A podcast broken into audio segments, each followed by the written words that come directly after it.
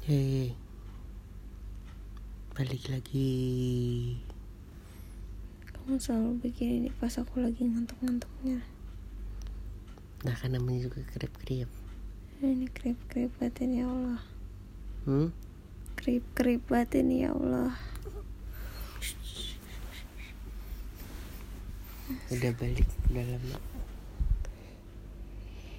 Terakhir kapan tuh ya? Hmm, Yang waktu sama Amel gak di post ya Lupa. Nih. Berarti terakhir itu Terakhir itu aku masih hamil Aku lagi marah-marah karena kerjaan banyak dan lagi hamil. Kayaknya sekarang juga masih gitu. Bedanya cuman kerjaan masih banyak marah-marah. Tapi Dan bukan hamil tapi punya anak. usak-usak mulus ini anak gue tadi. Tau gak sih yang kalau jadi ibu tuh dia tidurnya usak-usak nggak tenang gini aja tuh sakit hati tahu Nah apa emang? Eh. Eh bangun.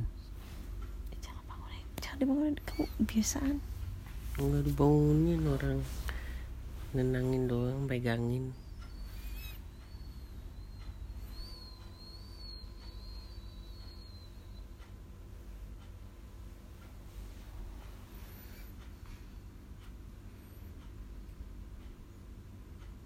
Ya dead air. Ya kasihan anaknya soalnya usak-usak tidurnya nggak tenang coba bayangin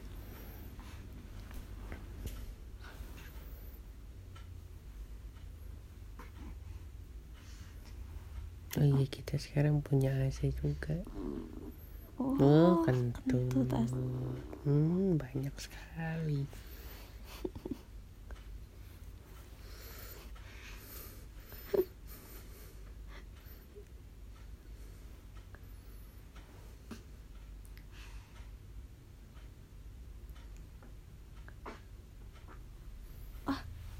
dia kayaknya eh eh deh yang Tuh poker Mau denger gak? Poker lagi dong Iya. Kita belum kenalin nama anak kita siapa.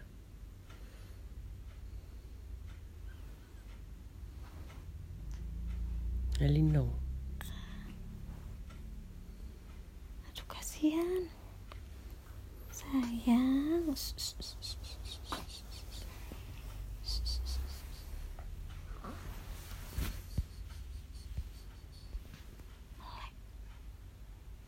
Melek. Enggak. Oh iya melek.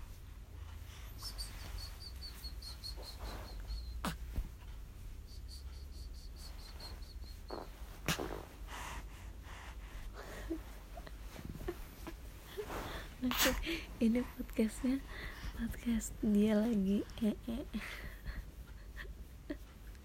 kamu Kedengeran ya tapi kamu kentut atau eh, eh nah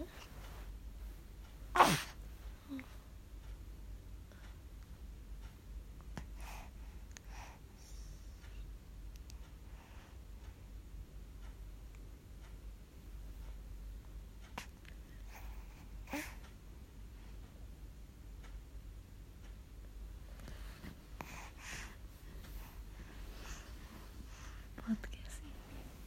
Kalau ada videonya sih lucu banget mukanya itu loh kalau lagi eh eh tadi kayak gini soalnya yang Aduh masih tuh.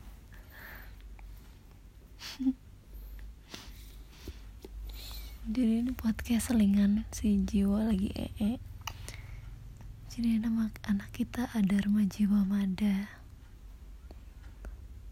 Yang artinya. Apa ya? Lupa apa sih Ih, kamu yang ngasih nama.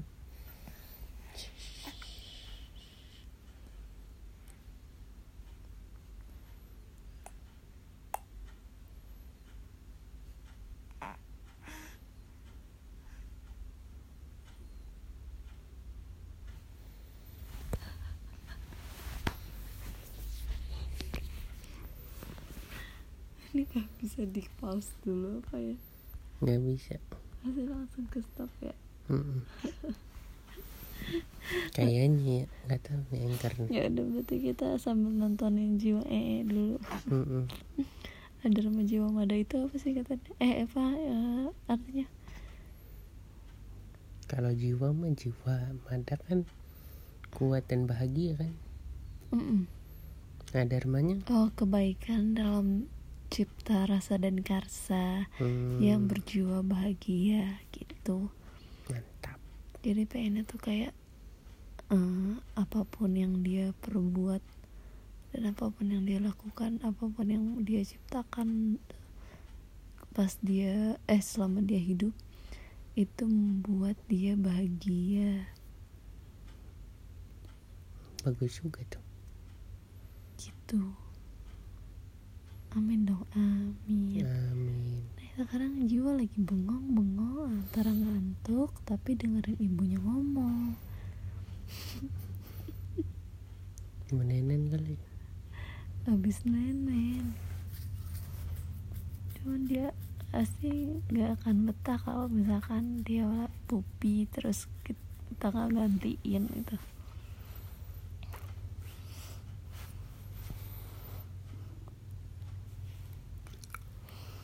tapi ngantuk juga jadi dia bengong dia begitu mana orang merem itu?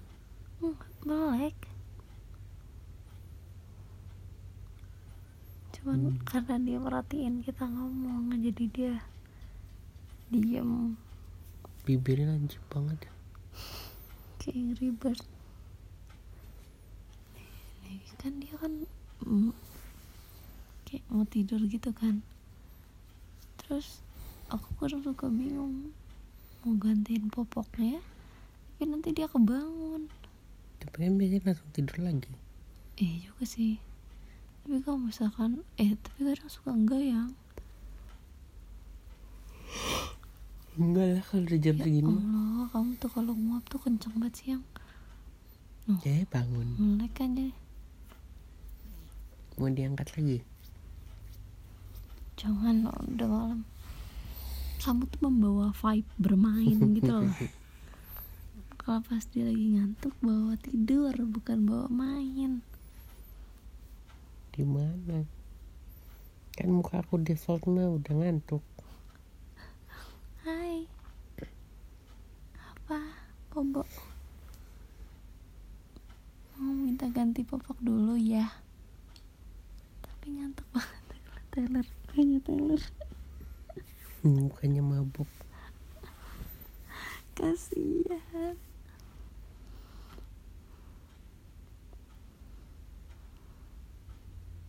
Udah ada tidur.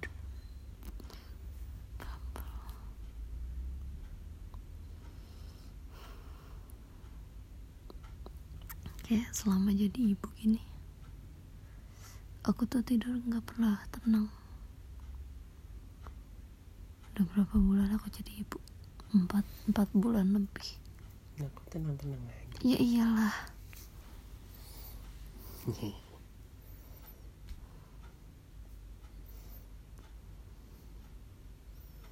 Hmm kayak Bird.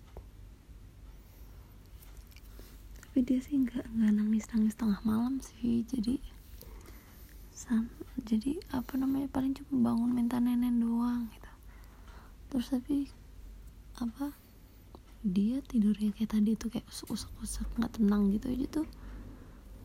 Yang tadinya aku tidur pulas itu aku bisa kebangun. Padahal dia nggak bersuara. Coba kalau dulu sebelum jadi ibu buset alarm aja kagak denger yang. Aku sampai sekarang masih gitu.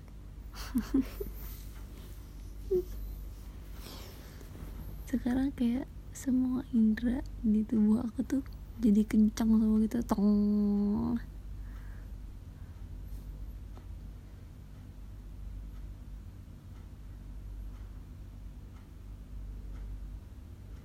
Ayo kamu tidur? Enggak.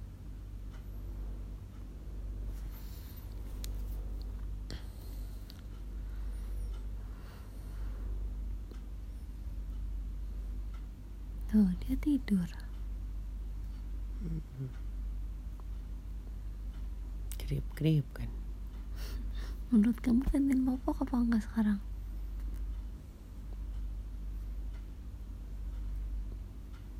Cek dulu aja kayak tadi.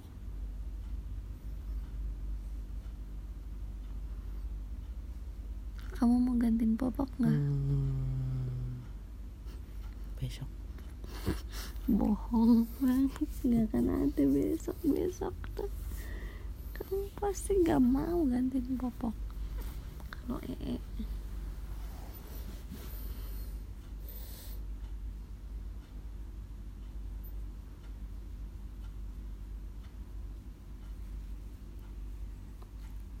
hmm, jadi gimana? Apanya? Ya tahu mau ngomong apa nih kamu ada yang mau kamu tanyain ya kan biasanya kamu nanya aku jawab panjang lebar.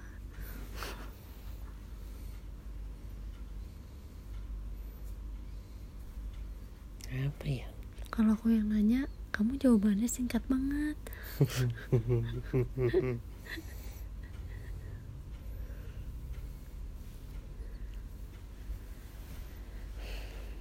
makanan yang pertama kali dikangenin setelah lahiran makan apa? Hmm, apa ya?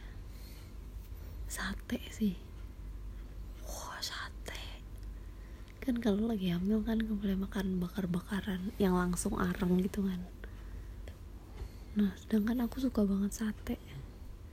Dulu tuh kalau misalkan kamu kan suka beli, beli suka belinya sate kan. Mm-mm. Kamu di sate aku makan sop kambingnya yang which is itu sop tulang kambing. Kagak ada kambing daging Oh, daging ada.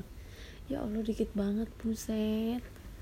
Aku hanya doang itu mah sama tulang. Nah kamu suruh beli banganin nggak mau? Kita sampai sekarang belum beli bang anen ya? Mm-mm. pokoknya kamu juga bingung yang mana bang anen? Tahu. Tapi cuman mahal aja kayaknya 80 ribuan oh iya bener. Kita miskin yang gitu bahas nadanya gitu. Kita miskin yang oh, sayangku bangun mata belok. Ibu emang sama bapak berisik banget ya malam-malam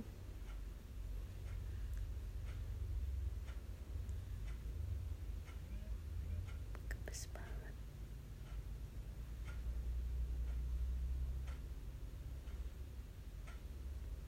nih aku mau tanya Eh, sense kamu sebagai bapak itu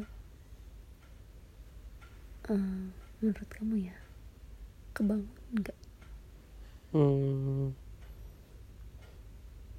sedikit demi sedikit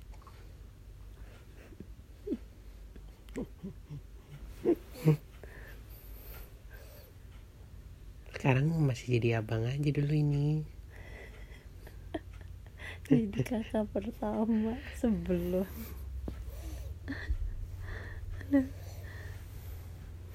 Tapi dia udah punya tas gitu ya? Udah punya emosi nih dia sekarang Hmm. tuh.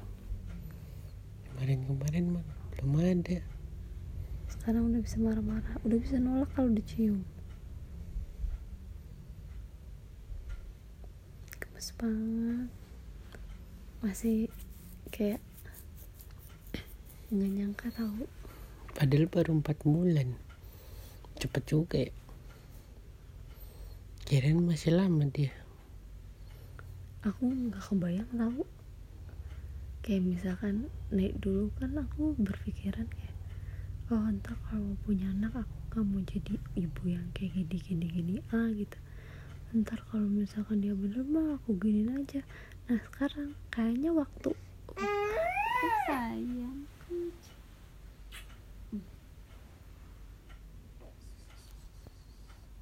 Ganti nanti popok iya. Kayaknya pas udah semakin deket gitu sama waktu di mana dia akan punya thought sendiri sama punya emosi sendiri aku jadi makin takut gitu loh bisa gak sih ngadepinnya ntar? Bisa lah. Terus kayak aku takut salah gitu loh. Karena karena kalau kita salah aja dampaknya tuh besar banget ke anak gitu. Ke pertumbuhan perkembangan otak mereka gitu kan berpengaruh banget sama bagaimana orang tuanya memperlakukan dia? Takut.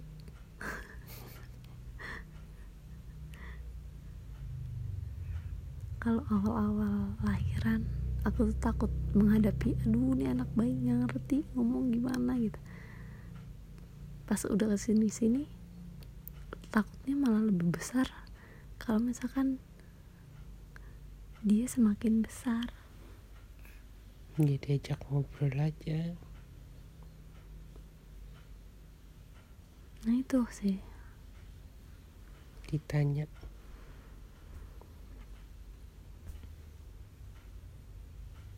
Aku kan ntar tugasnya beliin mainan.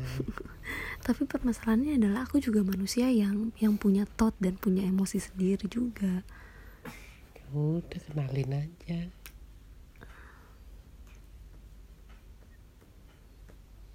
kayak kalau balik nih ibu marah nih kayak gini ibu nih.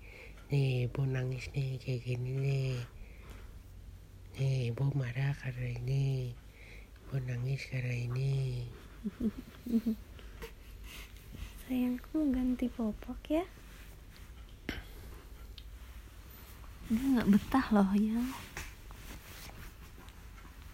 Apakah podcast ini sampai diganti popok doang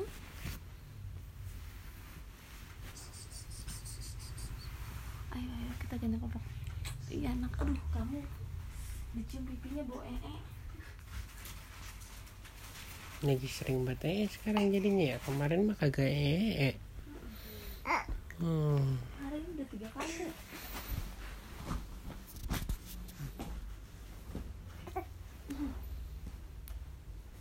Uh dingin nih. Kuat dinginnya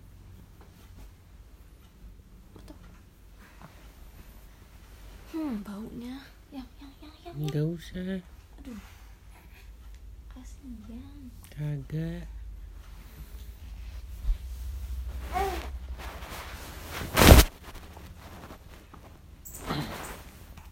Ngomong. Hmm, apa? Ya kan ya kamu cerita aja. Aduh bau banget. Cerita kalau jiwa tuh jarang ee. Dia ee bisa seminggu sekali kenapa begitu? Kalau kata orang kalau kata orang kalau asi hmm, bau. Kalau asi bau. Sayang. Sayang sayang.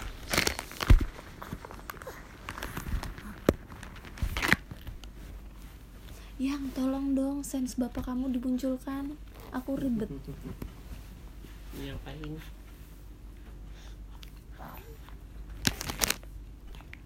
Pegangin dadanya dia karena dia selalu kaget.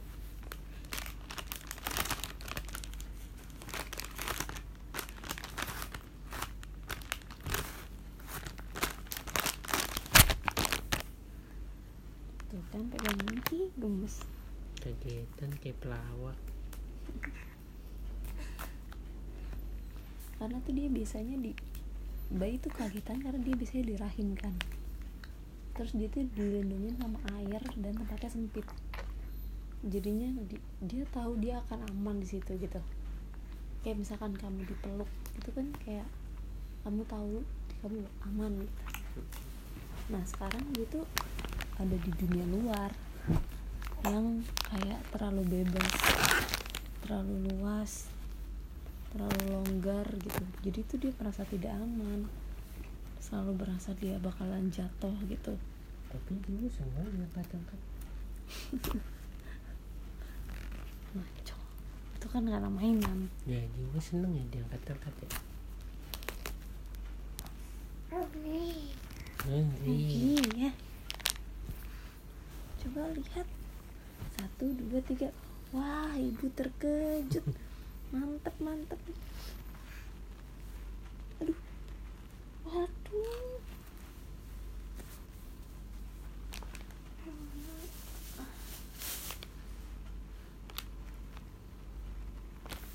Kadang kalau dia ee nya astagfirullah. Aku mikir aduh aku makan apa lagi. Emang ngaruh sih sama makanan? Ngaruh kalau misalkan aku enggak lagi nggak makan banyak sayur dia tuh ee-nya tuh kental gitu. Dia ngomonginnya di podcast jenis-jenis ee bayi.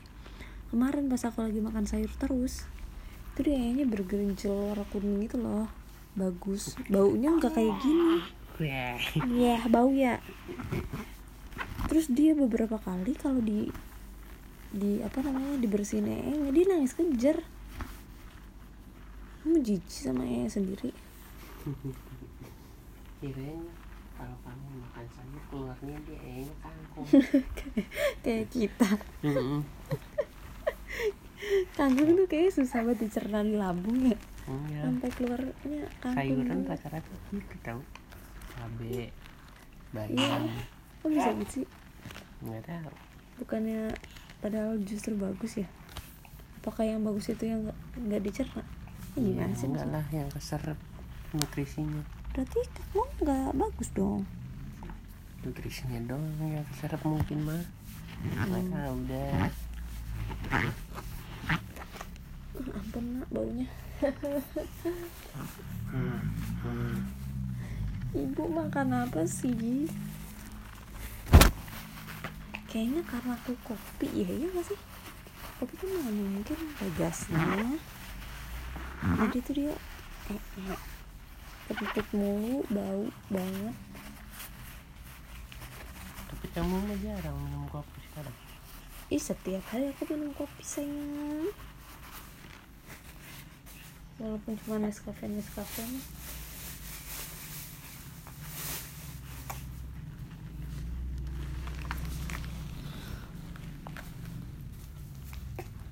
Ya.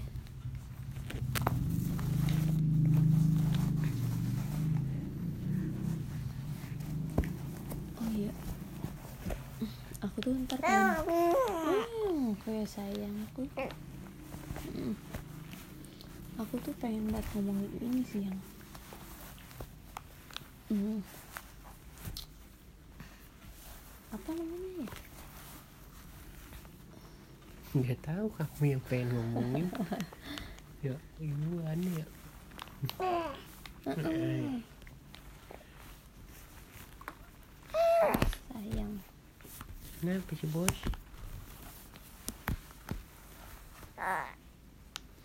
Oh pengen ngomongin tentang depression. Apaan tuh? Transisi menjadi seorang ibu. Emosinya, keadaan mentalnya. Yang rata-rata mungkin orang tuh bakalan ngehnya kayak ini apa sih ibu ngeluh mulu? Gitu. Ini ibu-ibu marah-marah mulu sih. Masa punya anak nggak bersyukur sih? Nah kalau orang awam tuh ngeliatnya kayak gitu rasanya kalau ada orang ngomong kayak gitu pengen aku bilang lu nggak pernah aja lu jadi ibu lu. Ya kalau yang ngomong ibu-ibu. Sebenarnya mereka kadang ada gas masalahnya ya nggak semua orang tuh ngerasain itu. mental orang tuh beda-beda. Dan ada juga yang kalau orang dulu ya itu tuh mereka tuh denial sama hal-hal yang kayak gini karena kesannya tuh tabu oh, ibu tuh nggak boleh mengeluh gitu. Karena tabu. Padahal yang dia rasain itu tuh sama. Sesusah itu juga. Tapi ujung-ujungnya jadi gimana? Dia marah-marah sama anaknya. Dia jadi mengurung diri. Itu karena dia nggak mengapprove ibaratnya nggak mengapprove perasaannya dia. Misalkan dia lagi sedih ataupun dia lagi marah. Kalau misalkan dia lebih mindful kayak oh iya nih gue lagi marah. Oh gue sedih nih gitu. Mungkin dia lebih bisa mengendalikan emosinya. Lebih sadar diri. Iya.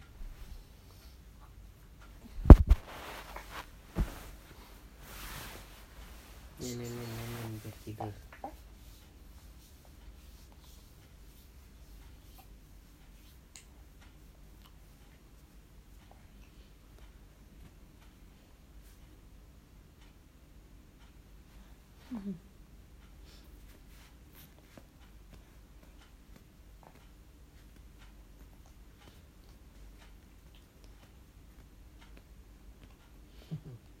pegangan aja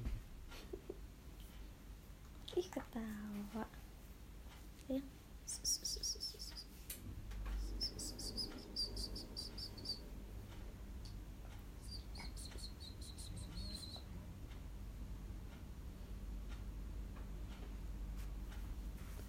kayak aku kayak apa namanya bener-bener merasa bener-bener ngerasain eh, sayang. Ngerasain kayak hektik banget. Gitu tuh waktu jadi ibu gini padahal ya kalau padahal kalau waktu pas kerjaan atau lagi apa kegiatan apa gitu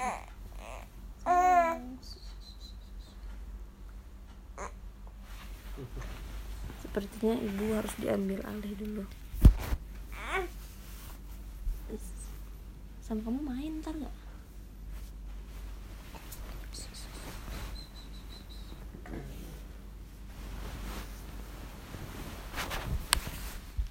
Nah diambil alih dulu sama bapaknya. Nih aku tuh ngerasain hektik banget itu waktu pas jadi ibu gini waktu pas punya anak. Padahal dulu kerjaan misalkan kerjaan atau ada kegiatan apa yang sebenarnya frekuensi hektiknya tuh loadnya juga mungkin lebih banyak waktu itu gitu. Tapi kayaknya lebih berasa bener-bener capek banget itu tuh sama kewalahan itu sekarang. Karena dulu tuh kalau ngapa-ngapain nih nggak pakai perasaan ya berkegiatan kerja kayak gitu ya udah gitu nating tulus salah ya udah gitu gitu. Nah kalau sekarang tuh kegerus banget mental sama perasaannya. Apalagi aku dulu heartless banget. Nah sekarang disuruh pakai hati. Waduh itu capek banget. Ketawain sama jiwanya. Sokret Iya. Sekarang tuh lebih kayak aduh kayak gini. Lebih ke takut gimana ya kerasa bersalah sama anak. Lebih ke gitu sih. Tapi juga pengen apa tapi juga punya kita juga punya perasaan sendiri. Kayak kita tuh ngejagain banyak perasaan gitu aku juga ngejagain perasaan kamu. Aku ngejagain perasaan aku.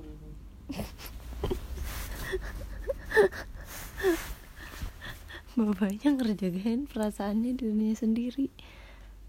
Tapi iya sih soalnya kalau misalkan kamunya juga rungsing aku akan makin pusing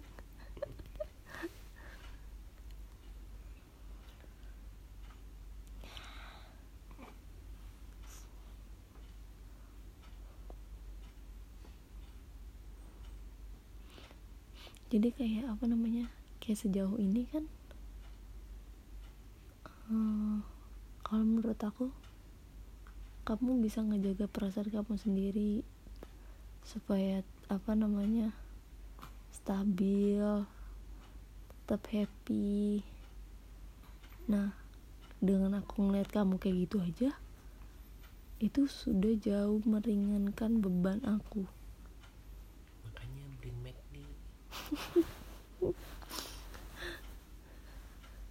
kalau dulu kan aku kan selalu selalu gimana ya mikir aduh apa namanya ntar aku tuh aku tuh suka kadang ikutan sedih banget kalau misalkan kamu lagi sedih gitu.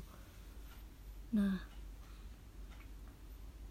sekarang aku jadi nggak ada beban sedih itu karena kamu selalu bisa menjaga perasaan kamu gitu jadi kamu bisa mengontrol.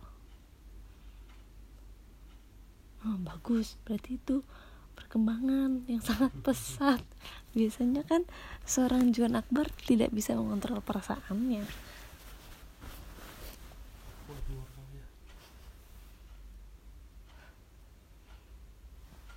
Merem gak sih dia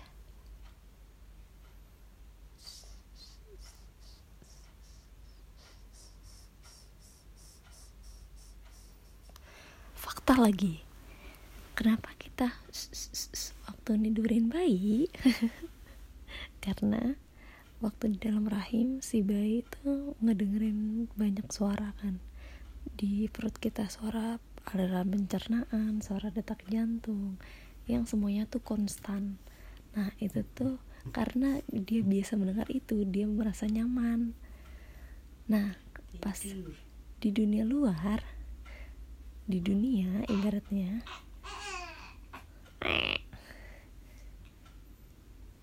Suara. Nah pas di pas udah di dunia dia jarang mendengarkan suara yang konstan kayak gitu. Nah kalau kita itu kan secara itu kan suaranya konstan gitu. Suara noise gitu kan. Nah itu tuh bikin dia ngerasa uh, kayak di rahim jadi aduh. Tuh kan apa aku bilang kalau sama babanya pasti tuh main melek deh. Aduh. Nah ibu besok kerja. Yuk tidur yuk. ibu aku bangun. Ih tawa lagi lu. Dasar padahal di di krip krip tadi Iya orang sama kamu pasti vibe-nya main. Kayak tidur lagi. Udah tidur lagi mana bisa. Coba sama ibu. Iya. Iya tidur.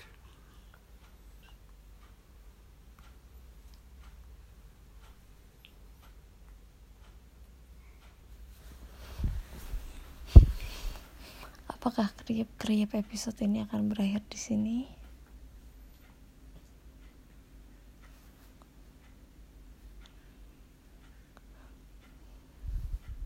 Fakta lagi. Kita main fun fact fun fact aja. Fun factnya tentang bayi karena masih excited. Wah punya bayi. Jadi pasti semua info-info yang masuk ke kepala itu pasti tentang bayi waktu oh iya gue cerita aja. Waktu uh, awal-awal itu tuh gue merasa sangat sangat depresi. Nggak depresi sih. Karena lagi fase transisi jadi gue tuh ada jadi ada di posisi depletion. Yang gue tahu sih kayak gitu. Ada pokoknya ada baby blues ada depletion sama ada depresi. Depletion itu versi transisinya. Kalau depresi itu lo udah sampai kayak gue nggak mau ngurus anak ini. Terus uh, dia nangis didiemin gitu. Nah itu tuh kita udah ada di tahap depresi. Nah kalau gue belum sampai situ sih. Paling cuma kayak uh, sampai mikir kayak apa sih namanya? Kayak aduh gue gue rindu hari-hari di mana gak ada anak gitu kayak gue bisa bangun siang gue bisa masak gue bisa main kayak gitu sih. Nah perasaan ada terus gitu perasaan itu tuh. Nah tapi itu nggak berlangsung lama sih.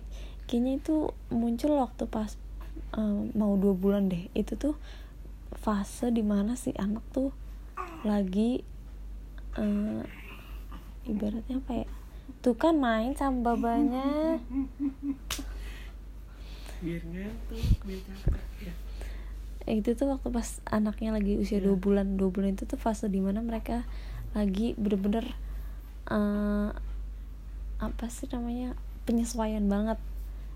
Dia akan rewel banget di mau dua bulan itu. Biasanya sih gitu. Tapi jiwa emang beneran rewel banget di uh, apa namanya menuju dua bulan nah terus lama-lama tuh gue makin respect karena eh makin bisa menerima karena gue makin tahu gitu loh uh, gimana keadaan si bayi kan. Dan gue tuh setelah cari tahu jadi itu si bayi itu karena dia biasa biasa di rahim merasa aman. Terus gue nggak tahu di tempat sebelum tempat tempat bayi sebelum di rahim tuh di mana ya? Di rahim di ovarium. Sebelum di maksudnya sebelum ada dia muncul di dunia ya nggak ada kan? Usus 12 ya khusus 12 jar Iya. aduh. Jiwa ada I- usus intinya tuh 12 ya. intinya tuh dia tuh bener-bener bener-bener orang yang baru gitu di dunia gitu yang dia tuh nggak pernah ada sebelumnya. Kalau misalkan kita kita aja nih misalkan eh, pindah ke kantor baru kita butuh waktu penyesuaian yang mungkin bisa bikin kita uring-uringan juga gitu. Di awal-awal ada di kantor baru itu. Nah padahal kan kita ibaratnya antara kantor lama sama kantor baru. Mi adalah mirip-mirip experience-nya gitu. Nah kalau anak bayi itu tuh bener-bener eh, baru banget gitu. Dunia yang sebelumnya tuh dia nggak kenal ibaratnya nih ya kalau misalkan si kalau misalkan sampai gede itu kita masih punya ingatan waktu kita masih bayi itu pasti kita gila kali ya karena mungkin seberat itu gitu masa penyesuaiannya sesusah itu terus udah gitu dia kan pasti akan ngerasa ih kamu jangan gemesin deh. Terus waktu di rahim dia tuh merasa aman nyaman ngedengerin suara ibunya terus terusan ngedengerin detak jantung ibunya. Dan ketika dia di dunia luar dia nggak nggak ngedapetin itu gitu. Dia dia tuh kadang merasa sendiri. Ngerasa takut. Apa gara-gara aku suka kecoa ya? Dia jadi baunya kayak kecoa. Aduh iya aku tuh lagi ceritain filosofi bayi kenapa sih? Nah jadi intinya aja orang biasa gitu kayak gini. Jadi tuh intinya tuh Nah, tuh aku tadi sampai mana? Nggak tahu ya.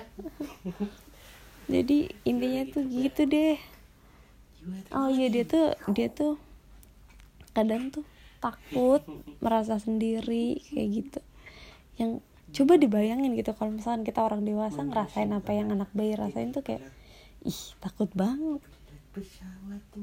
Kayak trauma mungkin. Nah karena yang dijalanin sama si bayi seberat itu. Dan apalagi kalau misalkan dia lagi masa growth spurt lagi masa percepatan pertumbuhan di mana dia punya keahlian baru yang sebelumnya dia nggak tahu dia punya itu gitu. Tiba-tiba misalkan bersuara nih dia dia kaget nggak sih gitu? Tiba-tiba kok gue mangap ada suaranya sih? Gitu. Pasti dia bingung. Terus kayak apa yang terjadi di tubuhnya ketika dia tiba-tiba apa namanya tangannya bisa merasa atau matanya sekarang udah mulai bisa melihat lebih tajam. Itu pasti tuh menakutkan sih kalau menurut gue. Karena sebelumnya dia nggak nggak pernah ngedapetin itu gitu nggak pernah dapet experience itu. Ketika dia dapat experience itu secara tiba-tiba itu pasti serem. Ya kayak misalkan eh, film Spider-Man deh dia aja tiba-tiba punya kekuatan kekuatan kayak eh kekuatan Spider-Man aja dia ini banget kan bingung banget kan dan uring-uringan gitu. Apalagi anak bayi.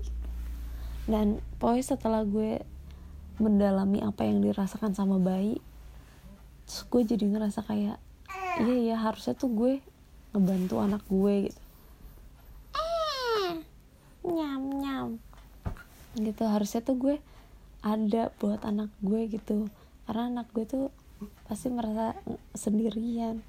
Ah bau kecoa. Ah. gitu sih dan setelah itu gue jadi mulai bisa healing. Dan karena setelah itu juga setelah melewati masa-masa growth spurt itu anyway growth spurt tuh setiap bulan pasti akan ada sih sebulan sekali. Dan pokoknya setelah jiwa nggak terlalu rewel uh, di situ gue udah mulai merasa uh, oh udah mulai enak nih ritmenya gue udah udah udah tahu cara menenangkan jiwa gue udah tahu cara mengatur waktu supaya gue juga punya me time. Gitu. Jadi lebih apa sih namanya lebih bisa menerima lebih bisa menjalankannya dengan ikhlas. Jadi apa? Tapi mas sekarang nih ya mulai ancur lagi tuh semua ritme setelah balik kerja kayak energi waktu perasaan pikiran itu tuh semuanya bener-bener kekuras dan masih masih belum bisa memanagenya dengan baik. Sejauh ini sih gitu. Jadi ibu masih sering masih sering tantrum Nyam, nyam, nyam, nyam, nyam.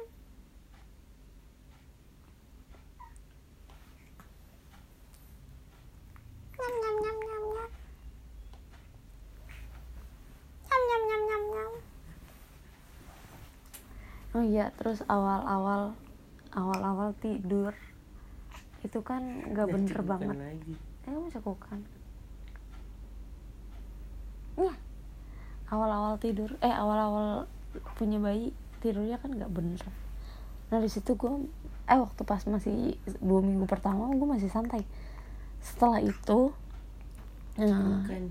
si jiwa tuh udah mulai kayak nggak yang literally bangun malam sih cuman kayak apa namanya udah mulai agak rewel gitu kan.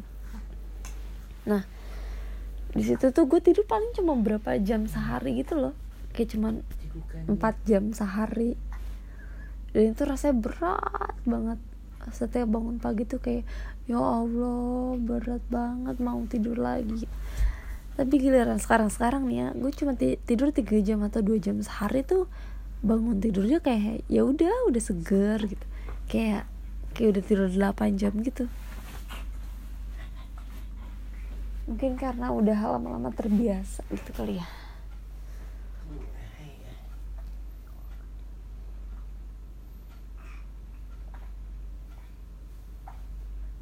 Lah kalau cekukan tidurnya lama lagi nih. Sampai nunggu cekukannya hilang. Cekukan, cekukan. Eh kalau salah lama ya sampai 45 menit Bentar lagi juga 45 menit ini. Mm-mm. Eh Si Baba tadi bilang bikin podcast yuk yang Pas udah bikin podcast nggak tahu mau ngomong apa langsung dilempar nih yang ngomong yang sompret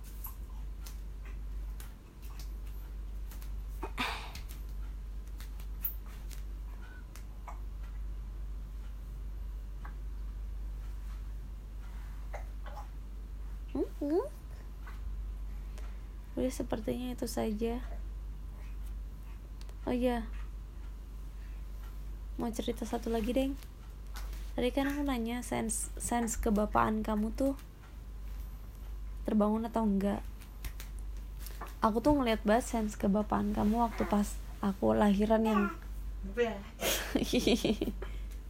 jadi pas pas aku lahiran Jubar tuh orangnya paling paling nggak bisa mengurus administrasi apa pun sekecil sekecil beli apa di warung aja tuh dia kadang nggak mau gitu. Nah waktu pas gue lahiran kan nggak ada lagi yang bisa dimintain tolong ya ibaratnya. Karena lagi koronces juga jadi kayak apa namanya jadi gue lahiran tuh cuma ber ber- berdua sama Jubar gitu. Terus jadi kalau karena gue nggak bisa ngapa-ngapain ya jadinya Jubar ngurus semuanya nah pas di situ kamu tiba-tiba langsung jadi hebat banget yang bisa ke sana kemari ke ruang administrasi ngurus ini tanda tangan nanya terus manggilin perawat yang kayak gitu-gitu yang yang biasanya kamu nggak akan mau ngelakuin itu gitu. The power of panic. mukanya kenceng banget. Belum tidur udah 24 jam ya kamu ya? Nggak tidur 24 jam panik ngurus ini itu ini itu. Terus mukanya tegang.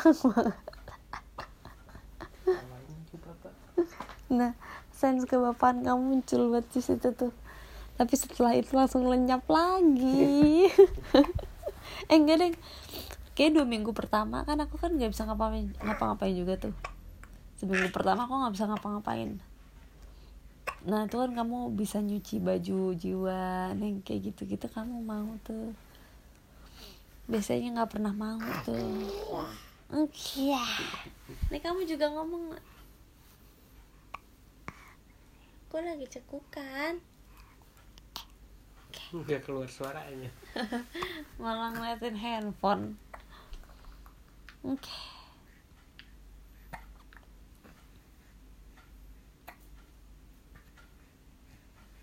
aduh menarik banget sih untuk dimainin kamu nak. Ium, cumi bu dan mau.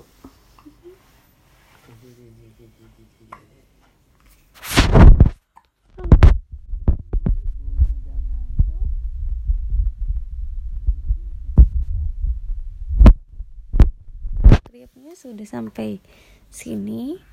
Nanti kita lanjutkan dengan pembahasan yang berbeda di lain hari kalau ingat. Dadah.